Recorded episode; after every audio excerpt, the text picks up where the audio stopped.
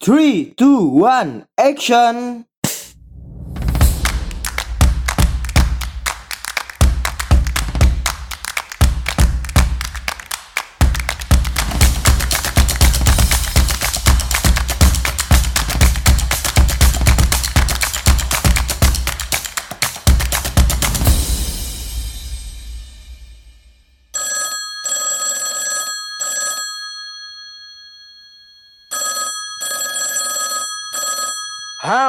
Selamat datang kembali di Pod by MA, tentunya di program Anak Komunikasi. Ye, para pendengar Pod by MA di mata kuliah Internet dan Media Baru. Pada pertemuan yang lalu kita sudah membahas tentang definisi budaya. Penting kita jelaskan di awal karena kita akan membahas tentang uh, budaya cyber ya atau cyber culture. Kita bicara terkait suatu kebiasaan, satu yang sering kita lakukan, sesuatu yang mungkin sering kita lihat, sering kita dengar, bahkan kita alami seperti itu ya. Kita pun melakukan, tetapi kita nggak sadar itu adalah sebuah kebudayaan. Nah, kalau pada minggu lalu kita membahas terkait budaya dan di dalamnya juga dijelaskan tentang bagaimana budaya dalam cyber, pada minggu ini kita akan menjelaskan tentang realitas sosial cyber. Dalam artian seperti ini, ketika kita sudah mengetahui bahwa ini loh tentang kebudayaan yang ada di dunia cyber, kemudian kebiasaan-kebiasaan dilakukan, kemudian bagaimana sih model-modelnya. Nah, kita perlu melihat sebenarnya realitasnya di sosial cyber seperti apa. Masih seperti minggu lalu, pada pertemuan kali ini saya menggunakan buku dari Dr. Ruli Nasrullah MSI yang berjudul Etnografi Virtual, Riset Komunikasi, Budaya, dan Sosioteknologi di Internet. Langsung saja, saya akan menjelaskan tentang realitas sosial cyber. Realitas di internet pada dasarnya memiliki dua pendekatan yang berbeda. Pendekatan pertama menunjukkan bahwa realitas di internet sama dengan realitas offline. Sedangkan pendekatan lainnya menunjukkan bahwa realitas offline berbeda dengan online.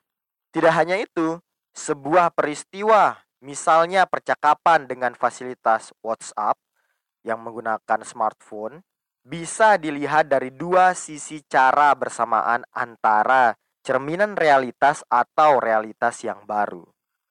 Model realitas sosial cyber ini telah penulis ya, itu uh, Pak Dr. Ruli ulas dalam buku Media Sosial Perspektif Komunikasi, Budaya dan Sosioteknologi. Jadi ini ada buku beliau yang lain seperti itu yang menjelaskan tentang perspektif komunikasi, budaya, dan sosioteknologi. Melihat pentingnya model ini, penulis kembali akan mengulas subbahasan ini untuk dipahami oleh para peneliti yang ingin menggunakan metode etnografi virtual sebagai upaya memahami budaya dalam komunitas virtual realitas sosial cyber. Untuk melihat bagaimana sebuah realitas terjadi dan entitas berinteraksi di internet, ya, Godford menawarkan sebuah skema realitas sosial cyber. Konsep tersebut memberikan arahan secara tradisional tentang aspek-aspek sosial dari realitas yang ada di internet dengan melihat atau melibatkan fitur-fitur teknologi. Penggunaan sebagai entitas dan perangkat yang juga merupakan entitas memiliki peranan dalam mentransformasikan realitas di internet. Aspek ini menjadi penting karena model realitas sosial cyber ini menjadi dasar serta landasan teori dalam melihat apa yang terjadi di komunitas virtual. Interaksi yang ada di komunitas virtual dan nilai-nilai atau artefak budaya merupakan konsep-konsep sebagai sebuah pelengkap teori tentang riset di internet. Internet juga tidak sekedar medium yang memberikan tempat berinteraksi di antara anggota komunitas virtual, melainkan internet sebagai perangkat juga memberikan kontribusi dari terbentuknya dimensi-dimensi baru dari budaya. Malah bisa dikatakan kehadiran perangkat lunak atau software maupun keras atau hardware memiliki pengaruh yang tidak sedikit untuk terjadinya realitas sosial cyber. Nah, nanti di kelas saya atau ada yang ingin mendapatkan sebuah gambar bisa dicek di buku Pak Dr. Ruli Nasrullah, etnografi virtual, riset komunikasi, budaya, dan sosioteknologi di internet. Jadi silakan uh, nanti bisa mengecek buku tersebut ada gambar segitiga realitas sosial cyber dimensi waktu dan ruang. Nanti saya akan juga meng-share kalau misalkan di mata kuliah saya saya akan meng-share gambarnya. Jadi dalam menjelaskan realitas sosial cyber itu uh, dibuat menjadi segitiga atau Godfett itu menjelaskan the construction of cyber social reality. Ya, itu dari bukunya yang berjudul Critical Cyber Culture Studies terbitan dari New York University Press. Oke, model ini menggunakan perspektif konstruksi sosial maupun interaksi sosial sebagai landasan awal terbentuknya budaya maupun struk maupun struktur sosial dari komunitas virtual. Ketiga sisi model, yakni interaksi sosial, kultur atau budaya, maupun struktur sosial pada akhirnya akan membentuk apa yang disebut realitas sosial sebagai inti dari konstruksi sebuah realitas sosial. Sebuah realitas sosial. Semua elemen yang ada tidak dapat dipisahkan untuk memahami realitas sosial tersebut.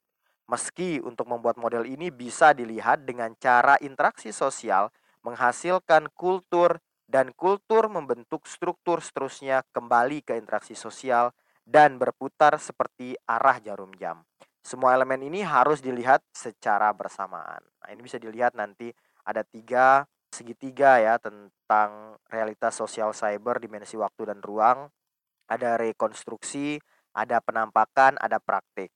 Untuk rekonstruksi itu ada pemaknaan dan culture. Kemudian untuk penampakan ada orientasi, kemudian struktur, kemudian praktik ada regulasi dan interaksi. Di tengahnya adalah realitas sosial cyber. Terkait dengan internet, Godfett menggunakan model segitiga ini untuk melihat bagaimana komunikasi online terjadi dan aspek-aspek yang muncul mengikutinya. Penggunaan teknologi mengubah konstruksi dari realitas sosial dan dalam kondisi tertentu mengaburkan batasan-batasan yang ada antara teknologi dan sosialitas yang berada dalam pikiran Aktan. Terminologi Aktan merujuk pada penjelasan Latour untuk melihat bahwa dalam kajian sains dan teknologi aktor di internet yang terlibat tidak bisa dilihat hanya sebagai manusia atau human atau teknologi yang non-human.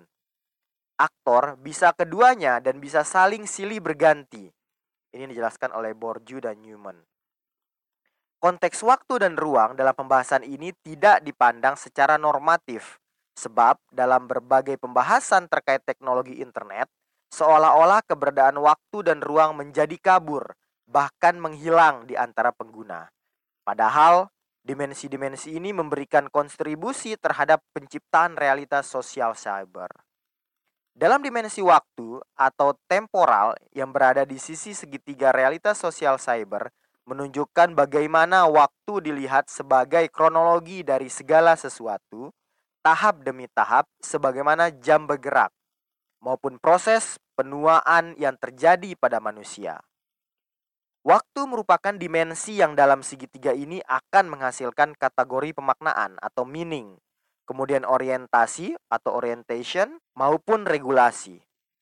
Waktu menjadi dimensi yang dibutuhkan dalam pembentukan kultur yang nantinya menjadi realitas sosial cyber. Begitu juga dalam komunikasi atau interaksi yang terjadi di internet.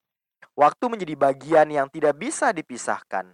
Waktu bahkan menjadi sebuah sejarah dan dasar dari sebuah konstruksi sosial. Sebuah era percetakan, sebagai misal, dalam teori komunikasi massa ditunjukkan dengan cara penemuan teknologi mesin cetak dan adanya produksi massal dari barang cetakan. Era ini tidak menunjukkan adanya teknologi yang berkembang semata, tetapi bersamaan dengan itu, bisa menggambarkan bagaimana realitas sosial yang ada.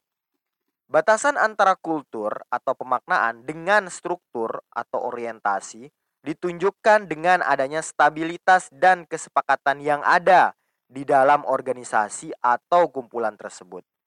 Orientasi ini juga dipengaruhi oleh waktu yang bisa mengantarkan pengguna untuk mengetahui model, pola, akses terhadap konten, sampai pada pemahaman bagaimana berkomunikasi dan berinteraksi dengan orang lain, baik secara langsung atau tidak. Orientasi juga bisa dipandang sebagai pola-pola memori yang memiliki relasi terhadap kultur yang dibentuk berdasarkan waktu serta harapan dan keinginan dari relasi atau pertukaran akibat interaksi antar individu. Waktu juga bisa ditunjukkan dengan tanggal maupun jam, juga kronologi dari realitas sosial cyber yang terjadi. Kondisi ini bisa dilihat dari bagaimana sebuah arsip dari konten yang dipublikasikan di media sosial. Pengguna bisa melihat apa yang telah ditulis di blog berdasarkan tanggal, bisa melihat foto apa yang diunggah di Instagram berdasarkan bulan, atau melihat status pertama yang ditulis di dinding Facebook.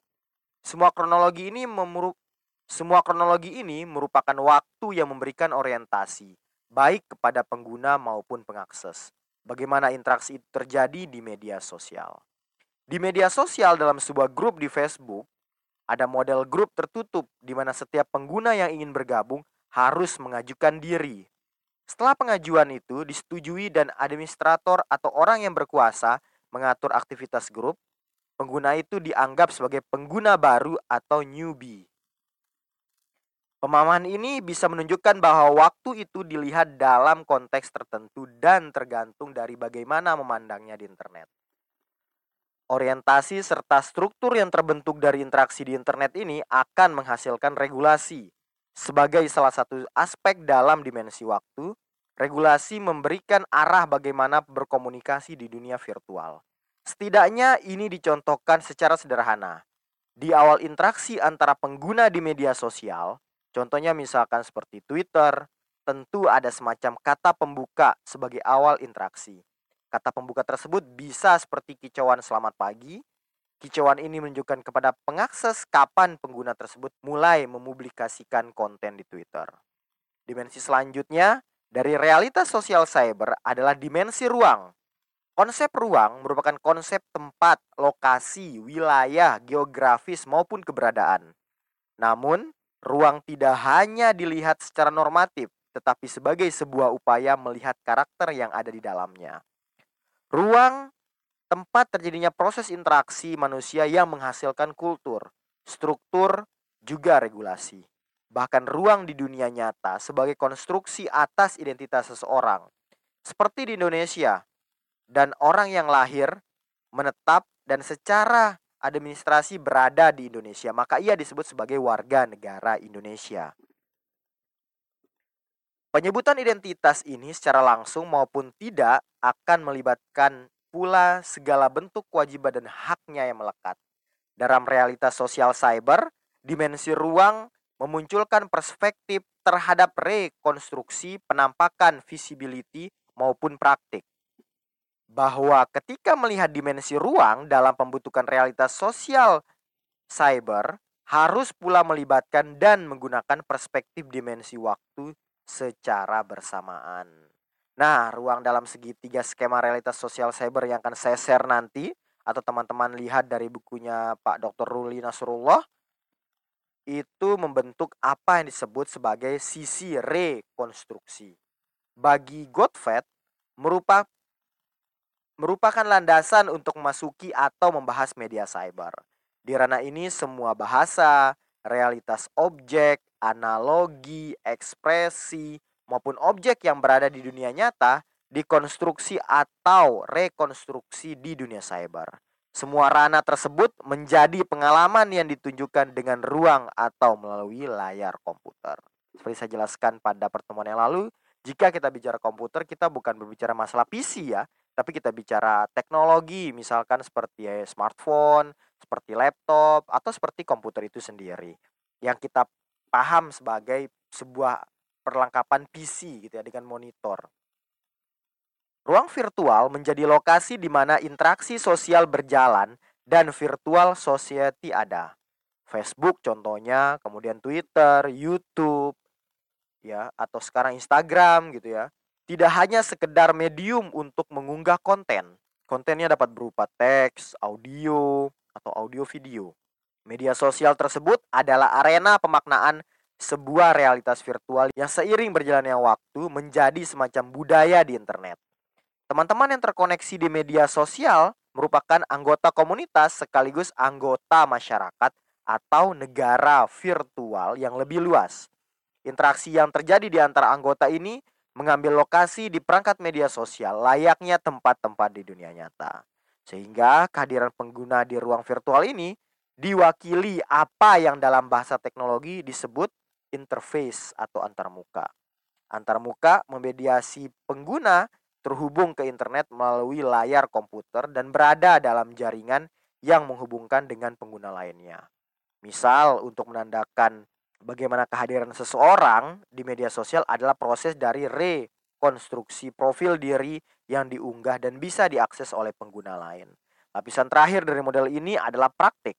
Bagaimana rekonstruksi dan penampakan di media sosial merupakan praktik dari interaksi serta komunikasi antar pengguna.